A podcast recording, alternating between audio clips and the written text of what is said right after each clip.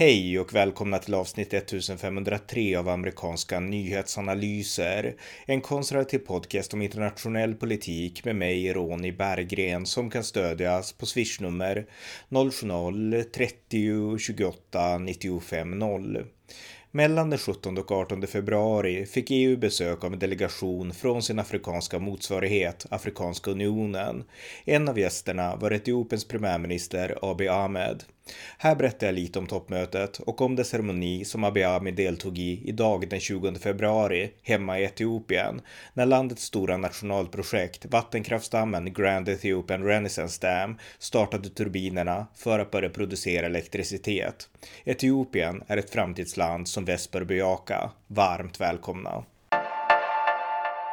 Ja, nu mellan den 17 och 18 februari så har det alltså hållits ett eh, storpolitiskt toppmöte i Bryssel mellan den Europeiska unionen och den Afrikanska unionen.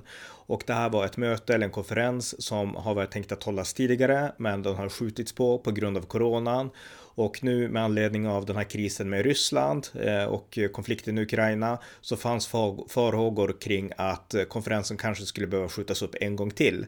Men så blev inte fallet utan det blev en stor uppslutning de här två dagarna där jag tror att det fanns representanter för varje, eh, alla EUs medlemmar, bland annat Moderaternas Thomas Tobé fanns på plats som, som representerar då EUs biståndsdel tror jag på något sätt.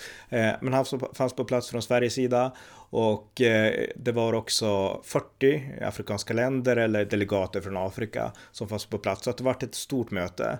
Och frågorna inför det här mötet, de var, det var väldigt viktiga frågor från Afrikas sida. Då fanns det en fråga om coronavaccin där afrikanska länder, Sydafrika i synnerhet, skulle vilja ha det eh, ja, den intellektuella kunskapen, mjukvaran, att själv kunna producera sådana här mRNA-vacciner, alltså som, som vi får via Pfizer och Moderna och allt det här. Eh, det har Tyskland sagt nej till och det verkar inte bli av, men det var ett av de här målen från den afrikanska sidan. EU önskar att se till att eh, det inte blir några nya flyktingkriser som dem 2015 när det kom en miljon från Syrien, Afghanistan och mängder av länder och det vill man inte ska upprepas och man vill inte ha massimmigration från Afrika. Så det var ett mål för EU i liksom de här diskussionerna. Eh, sen fanns det många andra diskussioner och, eh, och sådär. Eh, och ehm, eh, det var också prat om investeringar. EU har ju som mål att öka satsningarna i Afrika för man har insett och förstått att Kina satsar tro på Afrika och EU har också låtit eh, satsa pengar på att göra opinionsundersökningar i Afrika eh, om vilka internationella partners som afrikaner generellt tycker är viktigast. Och då har svaren blivit att det är USA och det är Kina och EU har knappt existerat. Så att av den anledningen så har EU nu startat en stor kampanj i olika afrikanska länder för att visa att EU finns och att EU är en viktig partner för Afrika och så liknande. Och allt det här är en del av att det pågår en ny Scramble for Africa, precis som det var på kolonialtiden på 1800-talet när stormakterna Tyskland, Frankrike, Storbritannien eh, kämpade om liksom om kolonier i Afrika. Och eh, det är lite likadant nu fast på ett annat sätt. Nu handlar det om att bygga relationer med Afrika. Och Kina massinvesterar ju över hela den afrikanska kontinenten. USA är också en extremt viktig partner för många afrikanska länder. EU är en, ja, EU är en underskattad viktig partner för EU har ett stort handelsutbyte med många afrikanska länder. Men eh, det finns liksom ingen stor Eh, ja, det är inga stora reklamkampanjer och banden är inte alls lika väl välanvända eller välnyttjade som de borde vara. Och speciellt nu när vi i väst kan se hur Kina massinvesterar med Afrika. Och ofta så gör man det på ett sätt som är mer gynnsamt för Afrika än handel med USA och det har vi inte sett i minst i, den här konflikten i Etiopien som jag kommer att komma in på om en stund där USA har krävt i utbyte mot handel och liknande att Etiopien ska gå USAs ledband. Medan Kina har inte begärt något mer än transaktioner mellan liksom varor och tjänster ungefär. Och det har passat Etiopien och många andra afrikanska länder mycket bättre. Så på så vis har Kina fått ett större insteg i Afrika än, än väst har fått. Men hur som helst, EU önskade med det här mötet att eh, att komma igång med en, med en ny stark relation med de afrikanska länderna. Och Ursula von der Leyen, hon talade på konferensen och hon sa så här. With this new package we want to catalyze investments in three categories. The first of course is infrastructure. And there the top priority is energy. Energy, the pathway to renewable energy, and of course the transition towards renewable energy. Because we all know firsthand that sustained economic development hinges on reliable access to energy. Africa has solar, wind, and hydropower in abundance. So let's build on that. Let's invest global gateway projects, for example, to build together green hydrogen. And let's discuss the transition, how to get there. Macky Sall, we have been discussing it last week in Senegal. Indeed, the transition from the status quo today to a world where we have these renewable energies will need a lot of is a lot of challenge for us, but we are able to make it together. Or the investments for electricity interconnections and energy access. People need access to electricity. And the numbers you are telling us, Macky Sall, about 600 million people without access to electricity are a real challenge. But together we can make the difference. We need to invest in transport corridors like roads and railways and waterways. It is the connection of energy, electricity, and transport that opens, wide opens the door to the African free trade area. Och eh, EU vill nu satsa på någonting som heter EUs Global Gateway Program och där ska det handla om att, eh, att eh, liksom kontra Kinas sidenvägsinitiativ, liksom China's Belt and Road Initiative. Så att EU försöker i sista sekunden komma ikapp med liksom att kapprusta med Kina om investeringar i Afrika för att på så vis få goda handelsförbindelser och goda möjligheter att driva diplomati med afrikanska länder. Och i EUs fall då först och främst just nu i alla fall som, som det är på prioriteringslistan för att stoppa massinvandring. Sen finns det också andra viktiga saker i det här paketet. Man vill gärna att Afrika ska satsa på grön energi och därför så investerar man för att det ska kunna hjälpa Afrika. Och som sades i klippet också så att Afrika har ett stort behov av elektricitet och så. Så att det här var lite om den här konferensen som var viktig och Afrika har också unionen att bli en partner som eh, Afrikanska unionen som, som liksom får en balans med EU, alltså man ska bli, bli behandlad som jämlikar.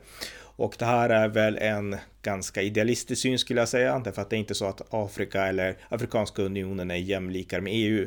Det finns liksom inga likheter. EU är mer enat, EU är ekonomiskt mycket, mycket starkare och eh, ja, det, det finns en helt annat, det är två helt olika system och två olika världsdelar med helt olika förutsättningar och eh, ja, med pengar och, och liksom möjligheter, tekniska möjligheter och allt annat. Så att relationen är ju inte jämlik på så vis och den kan inte riktigt vara så heller. Utan ambitionen för de afrikanska länderna bör vara att hitta goda avtal där man då kan jämföra sen och konkurrera liksom genom att jämföra avtal med EU, Kina och USA. Eh, det är lite så de afrikanska länderna måste tänka tror jag i alla fall. Men hur som helst, EU har incitament för att få det här samarbetet att funka bra. De afrikanska länderna har incitament för att få det att funka bra också. Så att det finns väldigt mycket att byta med varandra här. Och eh, det här var en, ja, eh, det här, den här tillställningen jag såg, Emmanuel Macron var där och eh, Ursula von der Leyen, eh, kommissionsordföranden såklart och eh, mängder av EU-parlamentariker och sådär och ledare från de afrikanska länderna fanns där. Och en av ledarna som fanns där, det var Etiopiens premiärminister Abiy Ahmed. Och jag har ju skrivit väldigt mycket om honom. Det har ju pågått en konflikt i Etiopien i ungefär ett och ett halvt års tid och eh, jag började intressera mig för den i höstas och jag har på min bloggsajt roni.se skrivit hittills sju artiklar om situationen och konflikten i Etiopien på sammanlagt 80 sidor. Och det har jag skrivit väldigt mycket om Abiy Ahmed då. Och eh, han var ju väldigt hyllad. Han fick Nobelpris året och eh, för freden som han hade då mäklat med Eritrea, grannlandet i norr. Och eh, sen kom den här konflikten med eh, inhemska före detta diktatur, numera terroristpartiet TPLF och eh, eh, Abiy Ahmed vägrade kompromissa med dem och eh, väst blev ja, rädda. Dels så blev vi rädda att vi trodde att eh, att eh, Etiopien skulle falla samman på samma sätt som vi såg Afghanistan falla samman i höstas. Eh, det skedde inte för att Abiy Ahmed tog ett tydligt ledarskap och sa att vi kommer inte att låta de här terroristerna segra. Och sen åkte han själv ut till fronten och liksom anförde sina styrkor mot den här terroristgruppen då, TPLF. Så att det skedde inte, men vi har varit rädda för, för det och sen har vi också varit rädda för att regeringen, Abiy Ahmeds regering ska bruka övervåld, främst USA har varit det och eh, väst har hamnat i mitt tycke på fel sida i den här konflikten i många avseenden. Men det intressanta då, det var att han var på konferensen. Han träffade vår egen statsminister Magdalena Andersson bland annat och många andra. Och eh, han, eh, ja, han visade tydligt att eh, Etiopien existerar fortfarande. Det har inte brakat samman på samma sätt som Afghanistan gjorde och Etiopien är en viktig spelare i världen. Och Etiopien är ju Afrikas näst största land och eh, Eh, det är ett väldigt betydelsefullt land och speciellt nu när vi kan se att landet har hållit samman. Så det var intressant att se honom här på den här konferensen och vi får se vad det kan leda till sen i, liksom takt med att eh, relationen utvecklas då mellan hela Afrikanska unionen och EU men även mellan Etiopien och EU. Och vi ska säga att Afrikanska unionen, deras kontor, det är lite som deras motsvarighet till, ja vad ska man säga, FN-skraparna vill ta i, men det finns ändå en likhet. Alltså, eh, deras huvudkontor ligger i Etiopiens huvudstad Addis Ababa. Där har Afrikanska unionen sitt huvudkontor då. Så att de håller till i samma land som Abiy Ahmed är premiärminister. Eh, så att, eh, ja, de fanns där. Och efter den här konferensen då, jag kan inte gå in på i detalj hur mycket liksom, vad det kommer resultera i, utan det får vi ta lite längre fram. Men efter konferensen så vände Abiy Ahmed tillbaka hem till Etiopien och idag, den 20 februari, så deltog han på att starta upp Etiopiens stora projekt att starta en damm som Etiopien har byggt. Eh, det, eh, The Grand eh, Gerd kallas den, men den heter liksom den stora liksom renässansdammen ungefär. Och eh, den här dammen är byggd i norr i den här stora sjön som finns i norra delen av Etiopien eh, vid eh, The Blue Nile, alltså en av Nilens två huvudfloder som flödar ut först in till Sudan och sen vidare in i Egypten och sen ut i Medelhavet där då. Och det här dammbygget började Etiopien bygga redan 2011. Det invigdes då dammbyggprojektet av tidigare eh, ledaren då som var en semidiktator, Meles Navi och det har nu, ja, det byggdes klart i somras 2021 och eh, sen dess så har man då arbetat för att fylla dammen med vatten. Det är en process som kommer att fortgå för det tar väldigt lång tid för fyller man för snabbt så torrlägger man liksom Nilen och det kan man ju inte göra då. Eh, så att eh, det kommer att ta tid men nu har man startat en turbin och jag tror att målet är att på sikt få igång hela dammen som då kommer att leverera väldigt mycket ström till 60 procent av, av Etiopien och även så pass mycket ström att man kan eh, förhoppningsvis i alla fall leverera ström till andra länder i, i, i närregionen. För elektricitet, det är problem för stora delar av Afrika, så och för, för Etiopien. Så att eh, Dammturbinerna de startades upp idag och nu har den här dammen börjat producera ström. Men bakgrunden till dammen är också intressant och i en av mina artiklar då som, som jag har skrivit på roni.se artikel, eh, artikel 6 som heter konflikten i Etiopien, eh, del 6, USA och Etiopien måste bygga vänskap. Där skriver jag ett stycke då ganska ingående om den här dammen och historien bakom den. Och eh, bygget började 2011 och den heter då på engelska The Grand Ethiopian Renaissance Dam eh, och kallas GERD. Och eh, man började bygga dammen då, men man fick inte så mycket internationellt stöd med internationella finansiärer. Så Etiopien beslöt att vi finansierar helt själv genom olika former av statsobligationer som medborgarna kan få om de investerar varje månad i dammen. Så att den här dammen som har kostat ungefär 5 miljarder amerikanska dollar, den har finansierats av vanliga etioper och på så vis har dammen blivit en viktig del av Etiopiens liksom nationalmedvetande och en form av nationalsymbol för Etiopien. Eh, det har kommit motstånd också och det är en av orsakerna till att eh, man behövde finansierar det här i princip helt själv. Och motståndet kommit från Egypten som menar att det är vi som är Nilens härskare därför att det är, ja, de har alltid varit starkast och betraktat det så. Och eh, på 20-talet så slöt man ett avtal med kolonialmakterna om att, att vi har liksom sista ordet när det gäller hur Nilen ska hanteras. Och Etiopien har sagt nej till det här och sagt att vi som inte har blivit koloniserade, vi har aldrig någonsin varit med på något sådant avtal, men den här dammen behöver inte ni betrakta som ett hot, utan det här är till för att eh, hjälpa alla med elektricitet och det är inget vatten som kommer att stoppas. Vi kommer liksom inte torka ut Egypten genom att stänga av dammen. Så att Eh, eh Etiopien anser att det här är helt obefogad kritik och eh, väst har i mångt och mycket stått på e- Egyptens sida, i synnerhet USA, på grund av att Egypten har varit en viktig strategisk allierad för USA och även Donald Trump blev upprörd på den här dammen och ställde sig lite grann på Egyptens sida. Men eh, allt tyder på att Egypten går för långt i sin kritik och eh, kommer den här dammen att fungera så kommer den att vara till stor hjälp för alla grannländer, inklusive Egypten. Så att eh, så ser situationen ut, det har funnits en konflikt och Etiopien har till och med varit så rädda för att eh, Egypten ska kanske bomba dammen, att man har satt upp anti, liksom, ja, luftvärn helt enkelt, luftvärn vid dammen för att skydda från attacker.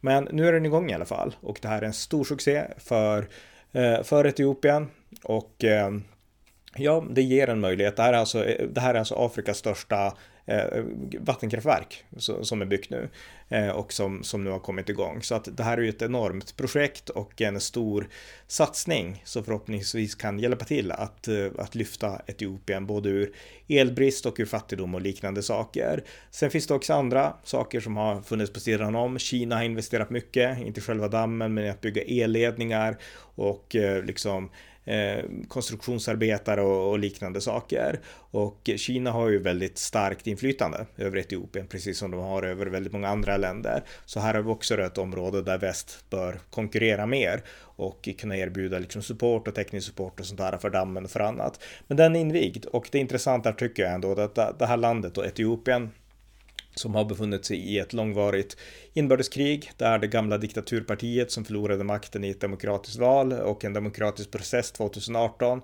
de har önskat slå sig tillbaka med våld till makten igen. Och de misslyckades egentligen bara för att regeringen beslöt att se till att inte liksom förlora mot dem.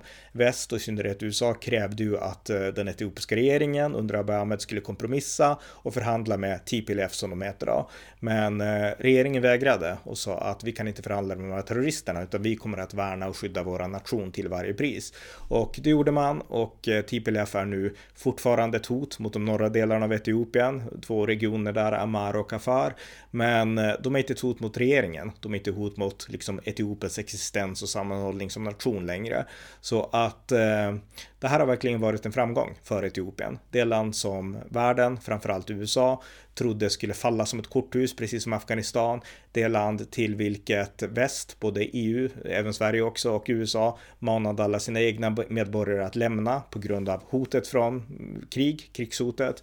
Eh, den nationen är nu säker och den har hållit ett möte för Afrikanska unionen på plats. Det gjordes bara tidigare innan det här mötet, EU-mötet, så höll man ett stort möte i Addis Ababa och eh, det har varit, eh, det har blivit en framgångssaga trots den här krisen. Och eh, jag anser ju, som jag skriver i en annan av mina artiklar i del 7, att väst måste bygga vänskap med Etiopien. Det är av största vikt, det är av stor vikt för väst av rent strategiska skäl. Gör vi inte det så kommer Kina att bygga sina stora nätverk och spänna sina tentakler över Afrika och det kommer att vara väldigt ogynnsamt för väst och för Europa. Och därtill finns det andra orsaker också. Ett gott samarbete med Afrika gör också att vi kan eh, ja, själva få del av liksom handel och utbyte och så till, till liksom allas hjälp. Både så att Afrikas länder blir stabila och vi slipper massinvandring till Europa men också för att eh, vi ska kunna få utbyta varor och tjänster med Afrika och bygga liksom vänskapliga band. Så att jag anser att det är av största vikt att sådana konferenser som den i Bryssel hålls mellan afrikanska länder och, eh, och EU och eh, jag betraktar det här som väldigt positivt. Sen är det bara ett steg på en väldigt lång resa. För det finns väldigt stor skepsis i stora delar av Afrika, inte minst i Etiopien, mot väst, mot Europa och eh, även mot USA. Men eh, de här konferenserna är bra, därför att det leder liksom eh, in våra länder, våra unioner på eh, ja, dialogens väg och på, på liksom en väg till, till platser där vi kan mötas helt enkelt. Och eh, desto mer väst och Afrika möts, desto bättre är det. Därför att Kinas intressen är inte av godo i Afrika. Och även om det ser ut så och de afrikanska länderna utan tvekan tackar ja till kinesiskt stöd men även till turkiskt och eh, Irans stöd och sådana saker så vet vi med liksom den historiska empirin och utifrån de här ländernas ideologier att eh, en god relation med väst är bättre. Och den skulle gynna alla parter bättre, alla liksom demokratiska fria parter än relationer med de här hårda totalitära makterna. Eh, så att väst måste tänka om och skapa liksom mer vänskapliga förutsättningar för att komma närmare de afrikanska länderna och Etiopien i synnerhet. Och Etiopien måste också vakna upp på sin sida och inse att det är bra att bygga starka relationer med väst.